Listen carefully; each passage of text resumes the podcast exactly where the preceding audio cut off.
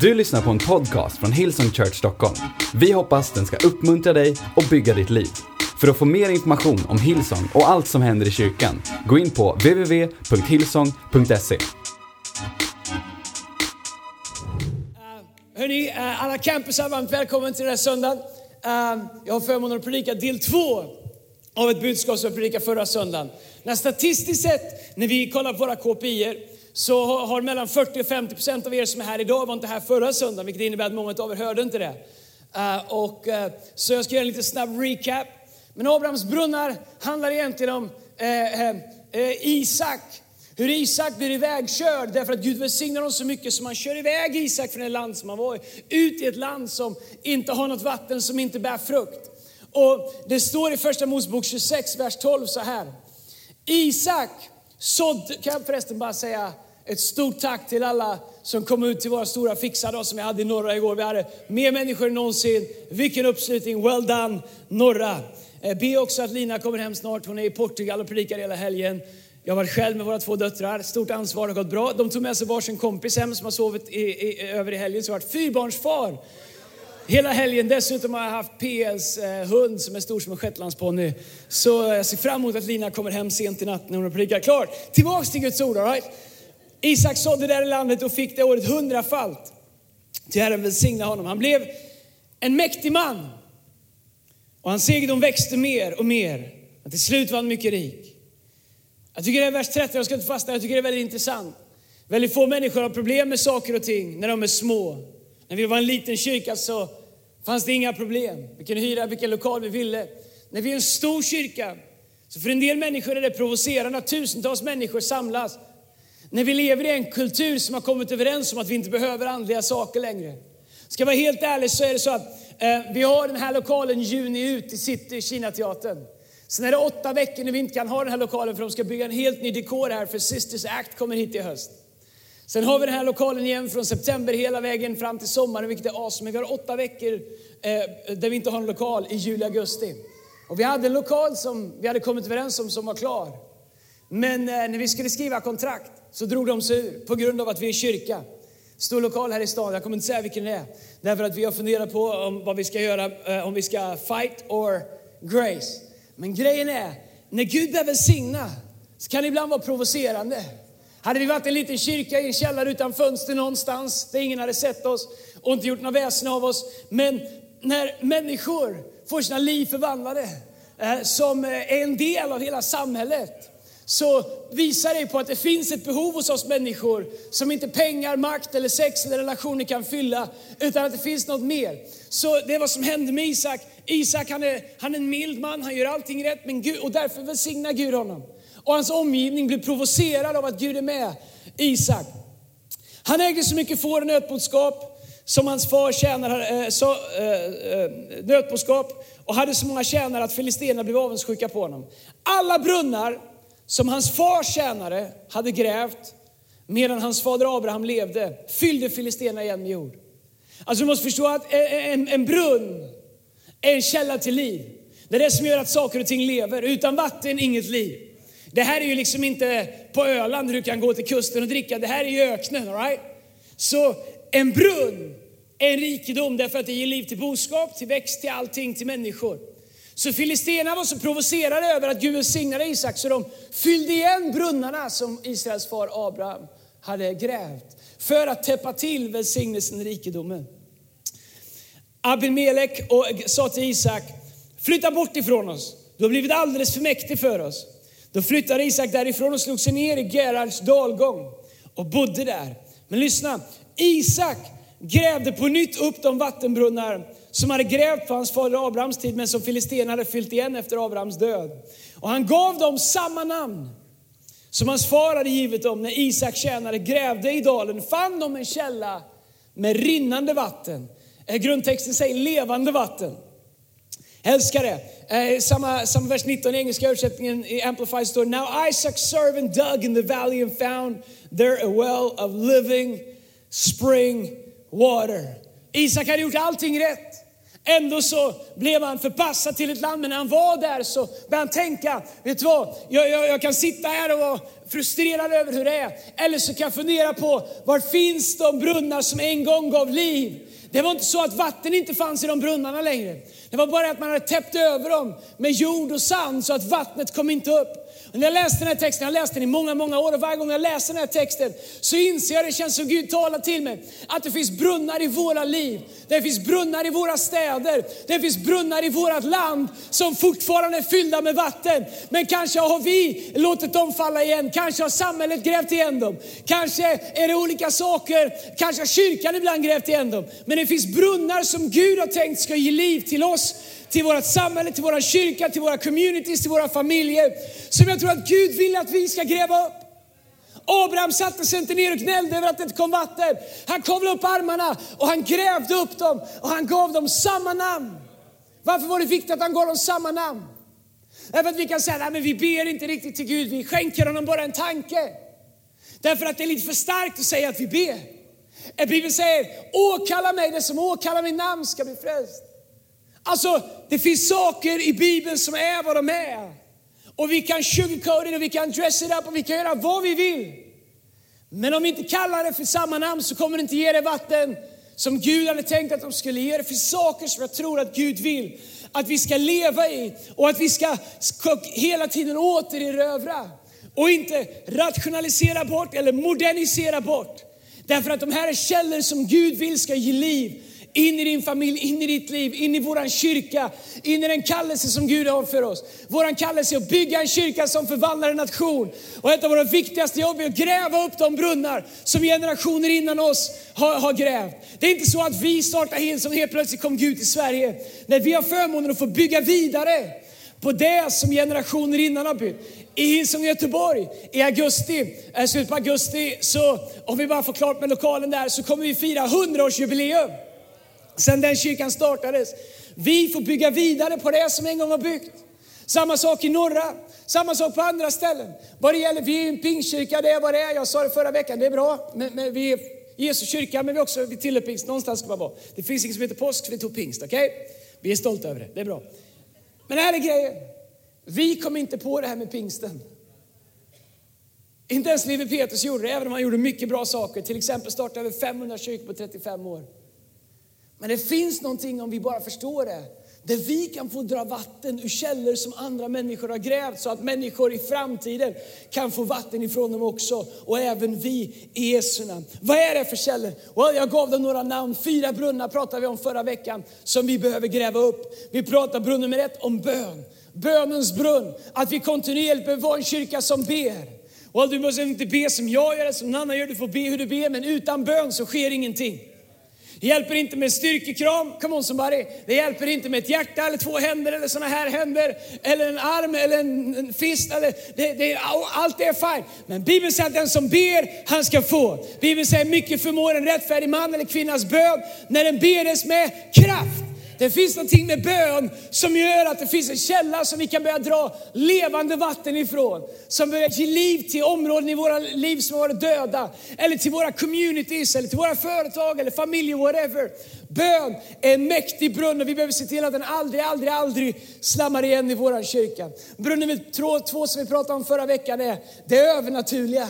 Vi är en kyrka som tror att vi, vi är naturliga. Vi gör det vi kan. Vi tror inte att vi kan göra mer än vi kan, men vi gör det vi kan. Men vi tror att det finns en Gud som är naturlig, men han är också över det naturliga. Han är inte bunden av våra begränsningar. Han kan göra allt. Han är mäktig att göra allt. Vad ni än ber om i mitt namn skall ni få, har han lovat oss. Så han är övernaturliga. Därför så tror vi på en brunn av övernaturlighet. Om du är sjuk kan du bli helad. Om du är bostadslös kan Gud ge dig en bostad. Om ditt äktenskap håller på Går sönder kan Gud hela dig. Men de säger att det inte är möjligt. Men Gud säger det som är omöjligt för människor, det är möjligt för mig. Jag håller på att predika om samma predikan igen. Jag har ju en ny predikan. Men eh, jag kan predika de här punkterna i en månad. Brunn nummer tre som vi gräver upp, det personliga vittnesbördet. Känner ni vad som händer när Fanny berättar sin story? Ja, men vad ska man säga om det? Du får tro vad du vill, det där har ju skett i Fannys liv. Lärjungarna sa, vi kan inte vara tysta med vad vi har sett och vad vi har hört. De skriftlärda sa om lärjungarna, hur kan de kunna så mycket? De är bara enkla fiskare. Men så kom de på att de hade varit med Jesus, står det. Ditt vittnesbörd kan vara någon annan människas genombrott. Ditt vittnesbörd med dina enkla ord kan vara en annan människas frihet. Låt oss inte bara härbärgera vad Gud gör. Försöka visa upp de bästa sidorna av oss själva. Nej, låt hela livet synas. The good, the bad and the ugly. Men låt Gud få det och låt ditt personliga vittnesbörd bli till helande och frihet och upprättelse för andra människor. Den fjärde brunnen som vi pratade om var uppoffringar. Vet du vad? Evangelium är buret på axlar av människor som är beredda att göra personliga uppoffringar. Genom hela Bibeln ser vi att evangeliets framfart, människors frihet, frälsning, befrielse, helhet, allt det har burit på vanliga människors egna uppoffringar. Det här vi har idag, att, eh, att vi har det här är på grund av era uppoffringar på alla våra campusar. Att vi kan rada upp barn på våra campusar idag och ge dem biblar och säga att du har en fantastisk framtid och vi, ska, vi gör det bästa vi har för er. Ni är, ni är prioriterad nummer ett i vår budget med våra ledare, med allt vi har. Varför? Därför att vi inser att det är våra uppoffringar som kommer resa upp nästa generation. Men det är också våra uppoffringar som kommer förändra vårt samhälle, som kommer förändra våra familjer. Så kyrka säger vi, det är ingenting man går till, det är någonting som man är. Där vi sätter våra axlar till och det kan se olika ut i olika säsonger och det är fine. Men det finns inget kristet liv där det inte finns någon form av personlig uppoffring, där vi är med och gör saker och ting i Jesu namn. Amen. Och jag hittar fyra andra brunnar som jag tänkte predika om idag. Kanske hittar fyra till nästa söndag, kanske håller på hela sommaren. Men grejen är att jag tror att det finns fyra brunnar till som vi behöver gräva upp i vår kyrka och i våra städer. All right, är du redo? Så det blir alltså brunn nummer fem. All right? Brunn nummer fem, Guds ord. Jag älskar Guds ord. När jag inte är en sån där som gräver ner mig och sitter i timmar och läser Bibeln. Eh, efter bara någon sida så får jag ta mina tankar till fånga igen. Jag får dra dem tillbaka från hockey, från kanske jakt, från något annat, från något helt abstrakt. Mina tankar går åt alla håll. Men jag älskar att läsa Bibeln ofta och jag har hittat ett sätt för mig att läsa Bibeln. Jag tänker inte ens berätta det för dig för då tror du att om jag bara gör så så blir det bra. Men du får hitta ditt sätt. Men här är grejen. Det är inte hur mycket Bibel du läser, även om det är bra att läsa mycket. Det är hur du tror på det du läser. Så sker dig som du tror. Grejen med Guds ord, det är att allt vad Gud har lovat, lyssna, allt vad Gud har sagt ligger under Guds auktoritet och under lydnaden av Guds ord. Gud gör allt han har lovat så länge det finns i Guds ord. Så det innebär att det finns massa löften för dig och mig som finns där som vi kanske inte vet som Gud har sagt om du bara ber om mig. Det finns i mitt ord, alltså har jag lovat det. Bibeln säger att Gud inte kan förneka sig själv eller förneka sitt eget ord. Så när vi får tag i våra liv vad Guds ord säger och vi går till Gud och säger Gud du har sagt det här i ditt ord. Då kan vi hålla honom accountable till hans egna löften i hans eget ord. Men vi måste bestämma oss för att Guds ord hur omodernt det än kan verka 2019 i vissa aspekter, så måste vi bestämma oss för att Guds ord är det som ska leda och forma våra liv. Allt vad Gud har lovat är böjt under hans ord. Alla hans löften, alla hans principer, hela förbundet. Matteus 24, 53 så står det, himmel och jord ska förgå. Det är egentligen säger att allt kan ändras, allt kommer ändras. Men mina ord, de ska aldrig förgå. Det innebär att 2019 är Gud fortfarande en Gud som kan hela cancer. Det innebär att 2019 så är Gud fortfarande en Gud som kan göra en väg där det inte finns en väg. Varför? Därför att det står i hans ord. Och när vi börjar läsa som det står och tro som det står och be som det står så kommer Gud göra som det står. Vi är en Gud som är, förlåt, vi är inte en Gud, vi är en kyrka som är committade till det som står i Bibeln. Hans ord kommer aldrig förgås, det kommer aldrig ändras. Oavsett vilken säsong vi är i så kommer Guds ord alltid vara detsamma. Och ibland är min utmaning att jag vill anpassa ordet till min säsong. Men jag har upptäckt att kraften finns när jag anpassar mig efter vad Guds ord säger. Och jag säger, jag ser att det här är, jag förnekar inte, jag är ingen sån som förnekar vad jag går igenom. Jag ser vad jag går igenom, men det är inte den jag är, det är inte vad Gud har lovat och det är inte det som väntar mig. Därför att om Guds ord är vad Guds ord säger att det är, så kommer min säsong förr eller senare få linea upp med vad Gud har lovat. Därför att hans löften är eviga, säger Bibeln. Johannes 8.32 säger, ni ska lära känna sanningen. Sorry om ni kommer hit och ni bara känner att ni får mittbena idag, men jag är lite taggad över det här. Och jag har längtat efter att få predika de här brunnarna idag. All right? Come on några, var lite excited där ute också. Om du sitter bredvid någon som ser lite slö ut, ge dem en armbåge och säg, det är tro i rummet idag, vakna. Jönköping, Örebro, Göteborg, Yttre rymden, allihopa. Jesu namn, under mina fötter. Nej, jag dödar den inte, jag skojar bara. Den lever. Den flög iväg, okej. Okay. Den lever. Aj, ont i ryggen också. Johannes 8.32 så står det, ni ska lära känna sanningen och sanningen ska göra er fria. Det är två saker som är intressanta, men Jesus säger att jag är vägen, sanningen och livet. Så Jesus säger att sanningen är jag. Mer säger Johannes 1 och 14, ordet blev kött och bodde mitt ibland oss. Så Jesus är sanningen och sanningen är ordet. Alltså är det ordet som sätter oss fria. Det är inte vad vi längtar efter, inte vad vi tycker, det är inte vad någon annan säger, det är ordet. Därför måste vi vara en kyrka som går tillbaka och säger vad säger Guds ord om min situation? Vad säger Guds ord om min vägval jag står inför? Vad säger Guds ord om den konflikt som jag är i? Vad säger Guds ord om den person som trampar mig på min tå så att jag är grinig? Jo, Guds ord säger förlåt dem hur många gånger då? Sju gånger, 77 gånger. Sätt igång bara. Om vi gör det Guds ord säger, så säger Guds ord att sanningen, alltså Guds ord, gör oss fria. Betyder inte att allting som blir blir rätt för oss.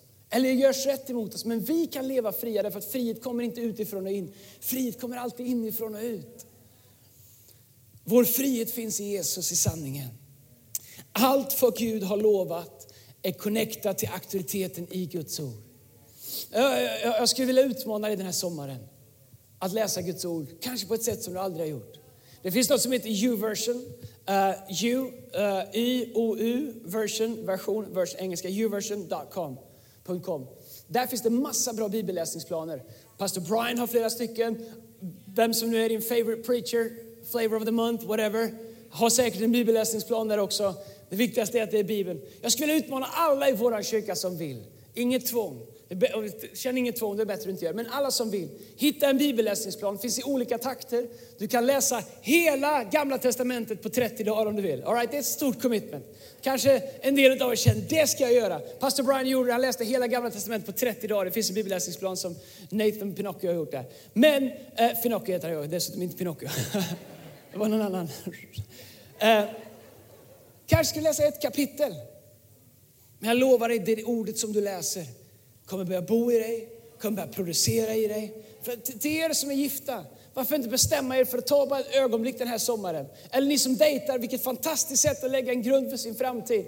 Och, och läs lite Bibeln varje dag. Läs ett kapitel, ett halvt kapitel, tre verser, whatever.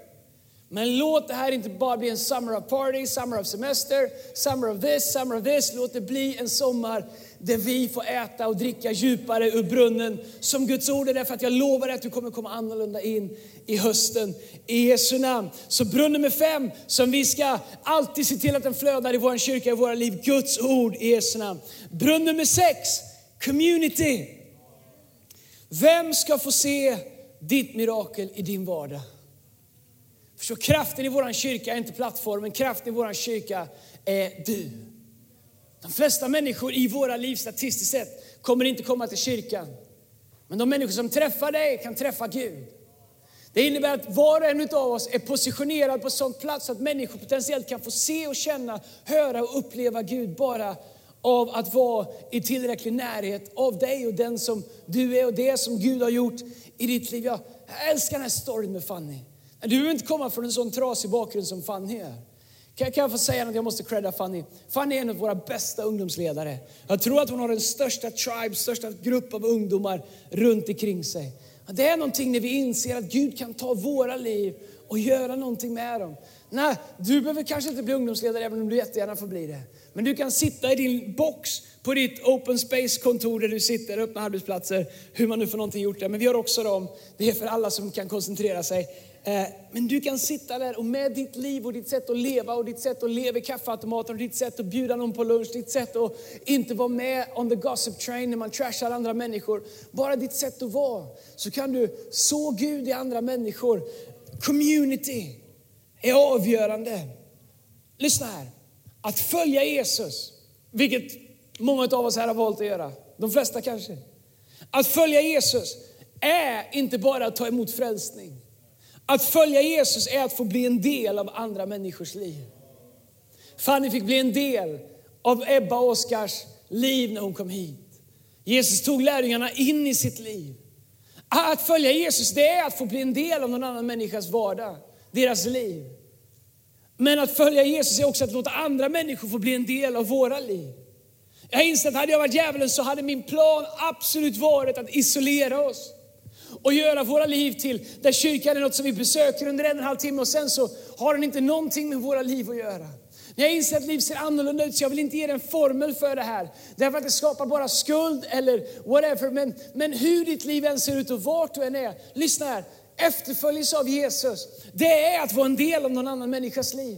Men det är också att låta någon annan människa få vara del av ditt liv. Det är det som är frälsningen, det är det som är kyrkan, det är det som är kroppen, det är det som är efterföljelse av Kristus. Lärjungarna samlades varje dag i templet och i hemmen. Vad representerar hur de träffades i kyrkan? Nej, vi kommer inte packa upp och ner det här varje dag så vi gör det på söndagar. Thank you very much. All right? De träffades också i hemmen. Vad innebär det? Hemmen är eh, flugornas herre, vik hädan. Äh, en trumpinne. Äh, de träffades också i hemmen. Hemmen betyder där de levde sina liv. I sin vardag. I, i, liksom sin, uh, i sitt everyday life. Lyssna, ibland krånglar vi till kristendomen så mycket. Ibland funderar på hur mycket program vi behöver starta och hur mycket verksamhet vi behöver starta för att det här enkla inte fungerar. Om alla människor hade plats i någons liv och om alla människor gjorde plats för någon i sitt liv jag undrar vad som skulle hända med våran kropp. Jag undrar vad som skulle hända med hälsan i människors liv, i människors själ, i våra äktenskap, i våra barns liv, i, i allt det som vi är. Om, om vi bara gjorde livet lite mer tillsammans, om vi såg våra liv som lite som, är, som en liksom mottagning för människor, för livets alla utmaningar där man kan få komma. Hade jag varit äldre så hade jag sagt, tänk om vi såg våra liv som en berså. där människor kunde komma och sitta och ta en kopp kaffe. Jag gillade den tanken. Men då ska det vara med gamla koppar och fat och varmt kaffe och en hård sockerbit. Come on somebody. Men här är med community.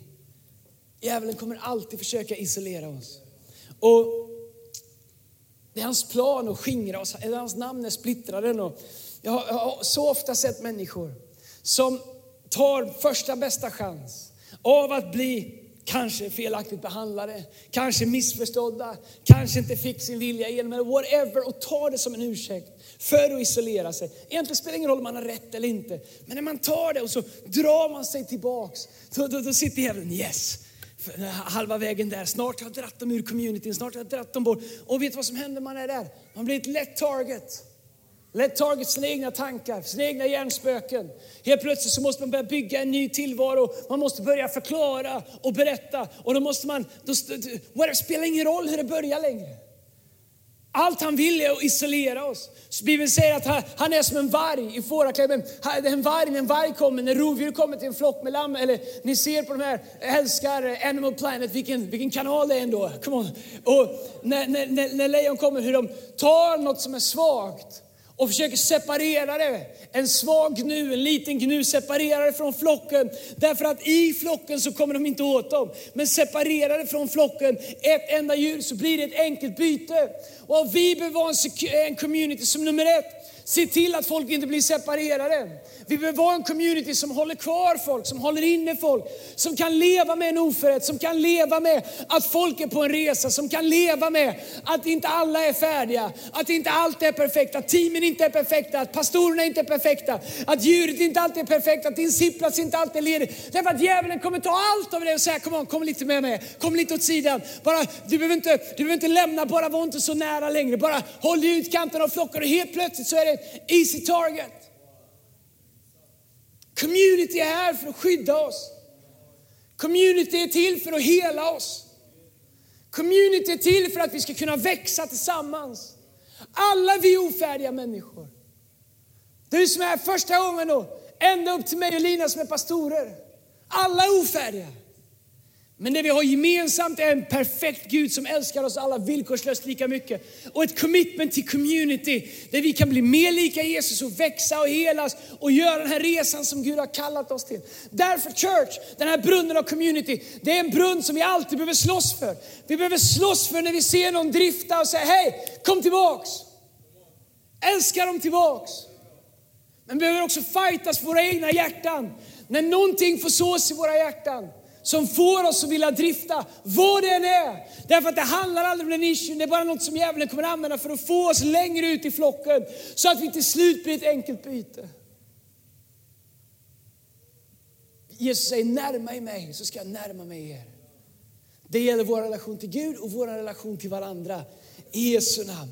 Community är en brunn som är värd att slåss för i Jesu namn. Uh, kyrka är community av människor i gemensamhet. Kyrka, det var så bra så jag skulle skriva ner det, då går det inte att läsa. Kyrka är en community av människor i gemenskap med Gud och gemenskap med varandra. Brunn nummer sju, två brunnar kvar, är du redo? Brunn nummer sju, enhet. Det förlöser Guds smörjelse.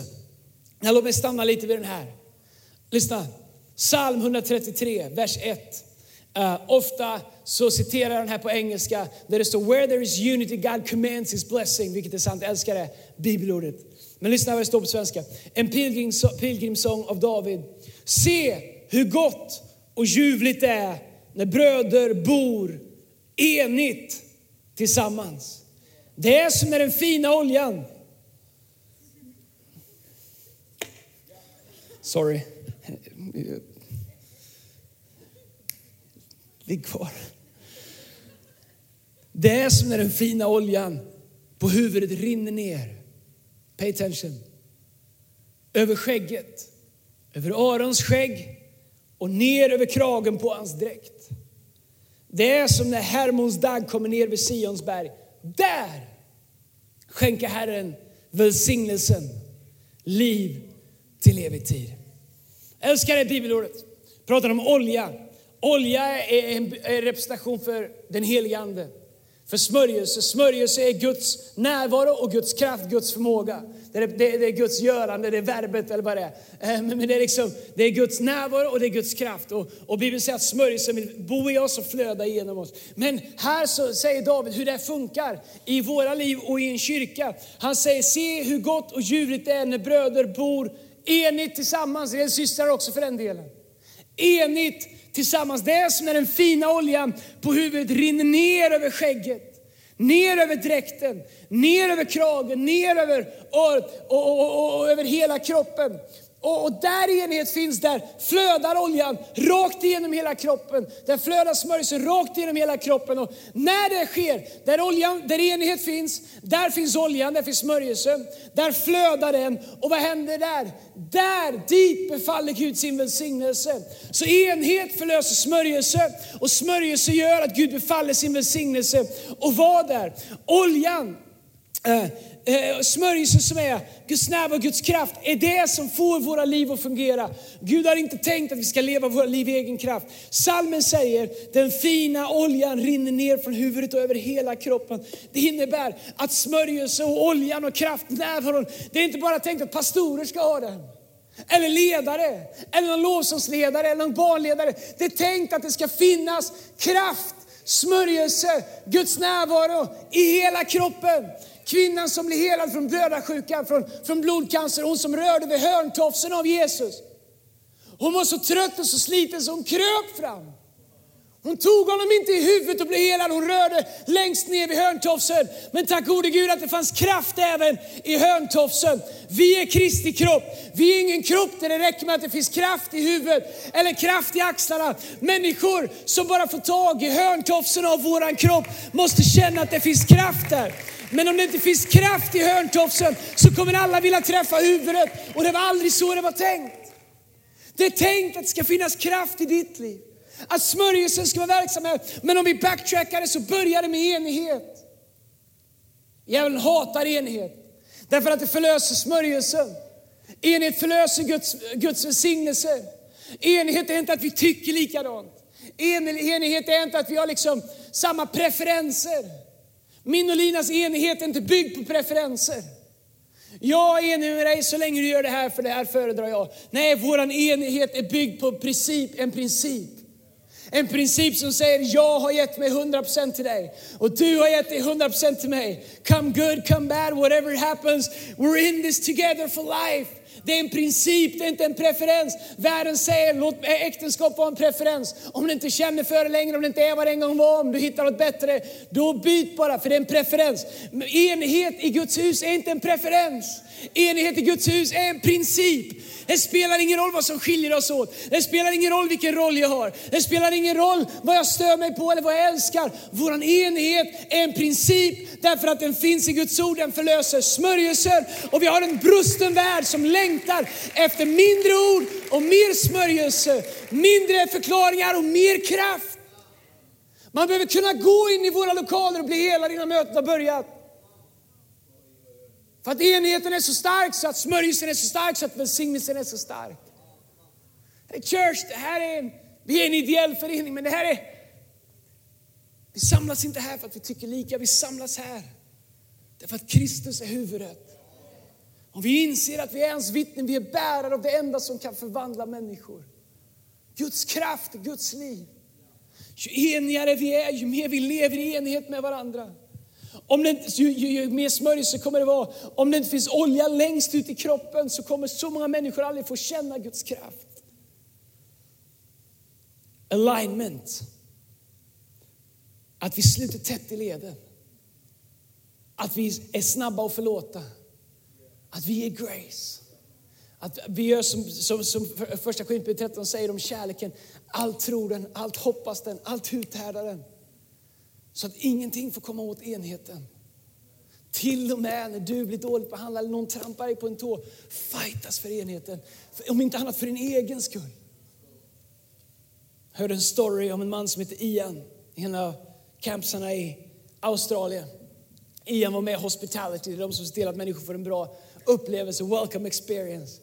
Ian han, eh, han var bilförsäljare och en dag när han var på jobbet så, så, så var han där. Han hade sålt dåligt den dagen. Och det kom en kund och han var inte speciellt sugen. Han trodde att den där kunden kommer aldrig köpa någonting. Så han var inte så intresserad. Men helt plötsligt så upplever han att Gud, Gud lägger i hans hjärta och säger eh, berätta om mig för den där personen, vittna om mig för den där personen. Nej, Ian från Hospitality har aldrig vittnat innan. Han vet inte hur man ska säga, han vet inte vad man gör.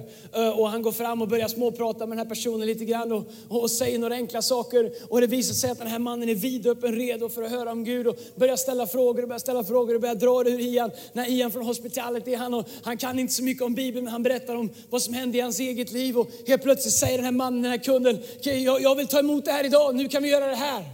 När de är på bilfirman så de böjer sig ner vid en bil där det ser ut som de står och kollar på däcket. Så böjer de sig knä, knä vid, vid bakdäcket på en bil ute på, på, på, på gårdsplanen där lite bilar står uppställda. Och under, under, när de andra tror att de kollar på däcken så böjer de knä och ber en frälsningsbön. Eh, den här mannen köper ingen bil, han åker hem med Ian från Hospitality. Han är själaglad. Han har lett sin första människor, människa till en personlig tro på Jesus Kristus. Nej, Ian var inte riktigt säker på hur man skulle be frälsningsbönen.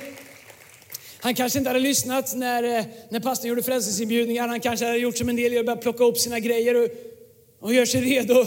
Eh, eh, bara flugor och allt möjligt som kommer här, men du är välkommen. Ian hade kanske gjort som en del gör när, när jag säger böjda huvuden och sluter ögon. Då checkar man ut. Så han, han visste inte riktigt hur man bad så de stapplade sig igenom någon form av frälsningsbön. Sen gick den här mannen.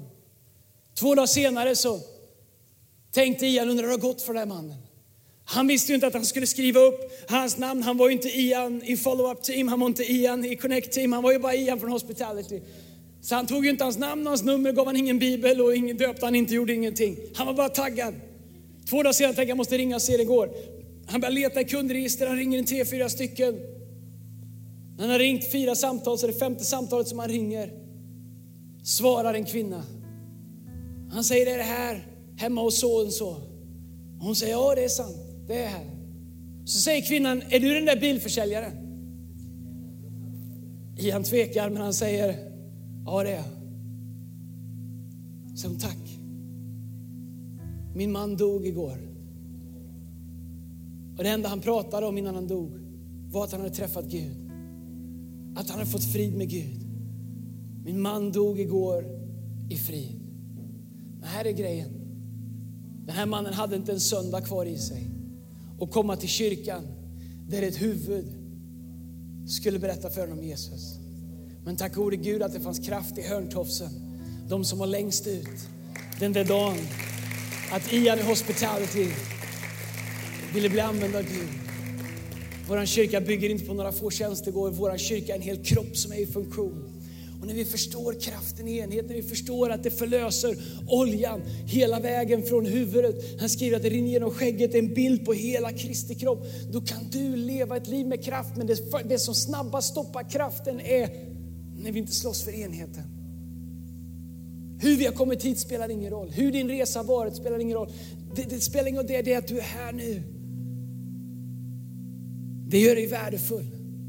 Det ger oss någonting tillsammans.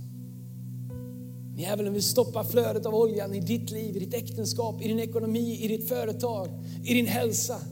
Men Gud har sagt att där enhet råder, dit befaller han sin välsignelse. Där kommer oljan flöda och Guds kraft och Guds närvaro kommer vara närvarande i Jesu namn. Vet du, jag tror att djävulen förstår kraften i enhet bättre än vad kyrkan gör. Jag är övertygad om att han förstår kraften i enhet bättre än vad vi gör. Det är därför han är så fokuserad på splittraren. Men come on Hillsong Church Sweden, vi ska få en eh, revelation om kraften i enhet. Och vägen att leva i enhet är att förstå kraften av förlåtelse. Varför talar Jesus så mycket om förlåtelse? Därför att han förstod att det är vägen till enhet. Han säger till lärjungarna frågar hur många gånger ska vi förlåta? 77 gånger, 77 bara förlåt, förlåt, förlåt. Om man slår på den högra sin kind, ge de andra också. Det är inte värt att vinna fighten och förlora enhet enheten. Det är bättre att förlora fighten men ha kvar enheten. Det är bättre att gå med saker till Gud ibland än, men att bevara enheten. Det är bättre att förlora fighten, kanske hemma i en argumentation med din partner någon gång, men bevara enheten. Än att till vilket pris som helst driva din, din point to the end, men förlora enheten. Enheten är viktigare än något annat. Kraften, enheten förlöser Guds smörjelse, Guds kraft, hans närvaro. Allt det övernaturliga som Gud har lovat oss som individer och som kyrka. Det är därför Bibeln säger att Gud har låst våra destiny till andra människor. En slår tusen, två slår tiotusen. Ensam är inte stark, det är en lögn. Tillsammans är starka, säger Bibeln. Brunn nummer åtta och den sista. Det är en brunn av mirakler. Första Korinthierbrevet 4.20 står det, Guds rike består inte av ord utan av kraft. Men jag är trött på ord och inte minst mina egna ibland. Så trött på att det sker så lite ändå. När det står så mycket i Bibeln. Ibland är jag frustrerad med Gud, jag kanske inte ska säga det här, kanske, ni kanske tror att jag inte har en bra tro, men det har, I don't care. Ibland är jag så frustrerad med Gud. Jag är frustrerad när jag ber för någon som är sjuk och de inte blir helade. Ibland blir de det, ibland blir de inte. Men vet du vad? Jag längtar efter att se Guds kraft mer i, i, i vår kyrka, i våra vardagar, eh, runt grillen, vart det än är. Jag längtar efter att se Guds kraft. Jag längtar efter att se människor bli förvandlade. Jag längtar efter att se rum bli förvandlade, familjer bli förvandlade, hela gator bli förvandlade, städer det går, Gud har gjort det innan och då kan Gud göra det igen. Vi är en kyrka som tror på mirakel. Jag vill att när vi kommer upp hit på söndagar och, och någon står här och säger kom on, låt oss be för de här bönämnena. Det får aldrig vara ett ögonblick där du checkar ut. Det får aldrig vara ett ögonblick när vi tar två minuter paus eller beroende på vem det är som står här uppe och ber. Det måste vara ett ögonblick där vi i en kyrka säger hej, låt mig dra ur en brunn som kallas mirakler. Låt mig luta mig in och ge min tro. Ge mitt över, överlåtande till de här bönerna och be som att vi har en Gud som vill göra mirakler. A little less conversation, a little more action please. En brunn av mirakler. Aposteln kapitel 1, vers 8 så står det, men den helige Ande kommer, kommer över er ska ni få kraft. Det finns kraft. Det finns kraft till att leva, kraft till att drömma. Kraft till att hålla ihop relationer. Det finns kraft Guds kraft. Bibeln säger att, en dårsk, eh, att, en, eh, att evangelium är en dårskap för de som inte förstår. Men det är en Guds kraft till frälsning. Tror du att den helige Ande bor i dig? Det tror jag. Då bor också kraften i dig. Johannes 14 och 11 säger Jesus, tro mig, jag är i Fadern och Fadern är i mig. Om ni inte kan tro det, så tro för gärningarnas skull. Och jag längtar efter att vi människor skulle säga, jag vet inte, jag fattar inte allting med Hillsong, men människor blir helade. Det är Jesus säger. Jag fattar inte allting, det blinkar och det grejer och sådär.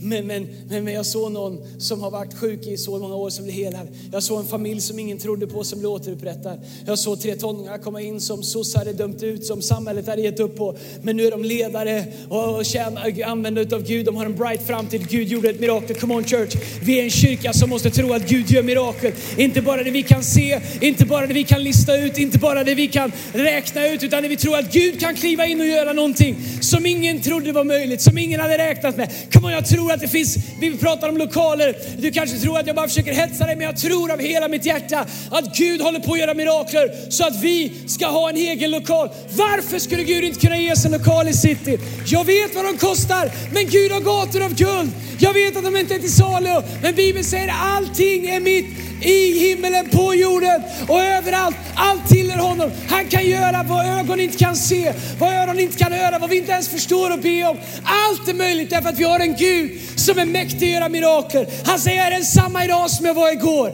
Gud säger jag är likadan idag som när jag delade Röda havet. Jag är likadan idag som när jag helar en kvinna som alla andra hade dömt ut. Jag är likadan idag när jag, som när jag skapar en väg där det inte fanns någon väg. Om du tror det så kan du börja leva det och om vi lever det så kommer Gud börja göra det. Men det finns brunnar som måste få flöda i våra liv av Guds ord, av community, av enhet och av en längtan efter mirakler. I Jesu Kristi Nazarens namn. Jag vill inte leva ett vanligt liv där min potential är taket för mitt liv kan bli. Jag vill leva ett liv som är above and beyond vad jag någonsin trodde var möjligt. Inte för min del, men för att vi lever i en värld som är trasig, som behöver allt vad Gud kom för att vara. Om inte vi är dem, vem ska vara dem? Om inte vi går, vem ska han sända? Om inte Guds kraft och hans smörjelse och närvaro finns i våra liv, vem ska bära den? Är det du? Men du säger, jag är inte tillräcklig. Det du visste. Därför att det är inte du, utan det är Gud i dig. Men om du tror på det jag säger, om du låter det sjunka in i ditt hjärta och kan läsa det själv i Guds ord, studera det och låta det bli en verklighet i ditt liv. Jag lovar, church, när vi står enade, fyllda av Guds kraft, av hans närvaro, men ingenting kan stoppa oss. Fick en oreplåt i huvudet också. Ingenting kan stoppa oss. Inget kan stå emot oss. Inget kan hindra oss. Och när jag säger det så menar jag att fullfölja det som Gud har kallat oss till. Bygga en kyrka som förvandlar nationen. Bygga en kyrka som förvandlar generation efter generation. Bygga en kyrka som är hem för de som behöver det. Ande, kropp och själ. I Jesu namn. Kom ska vi stå på alla våra campusar. Lovsångsteamet kan komma fram. Herre, vi ska göra, jag skulle vilja be en bön över hela vår kyrka. Du har lyssnat till en podcast från Hillsong Church Stockholm. Om du vill veta mer om vår kyrka eller om våra söndagsmöten, surfa in på www.hillsong.se.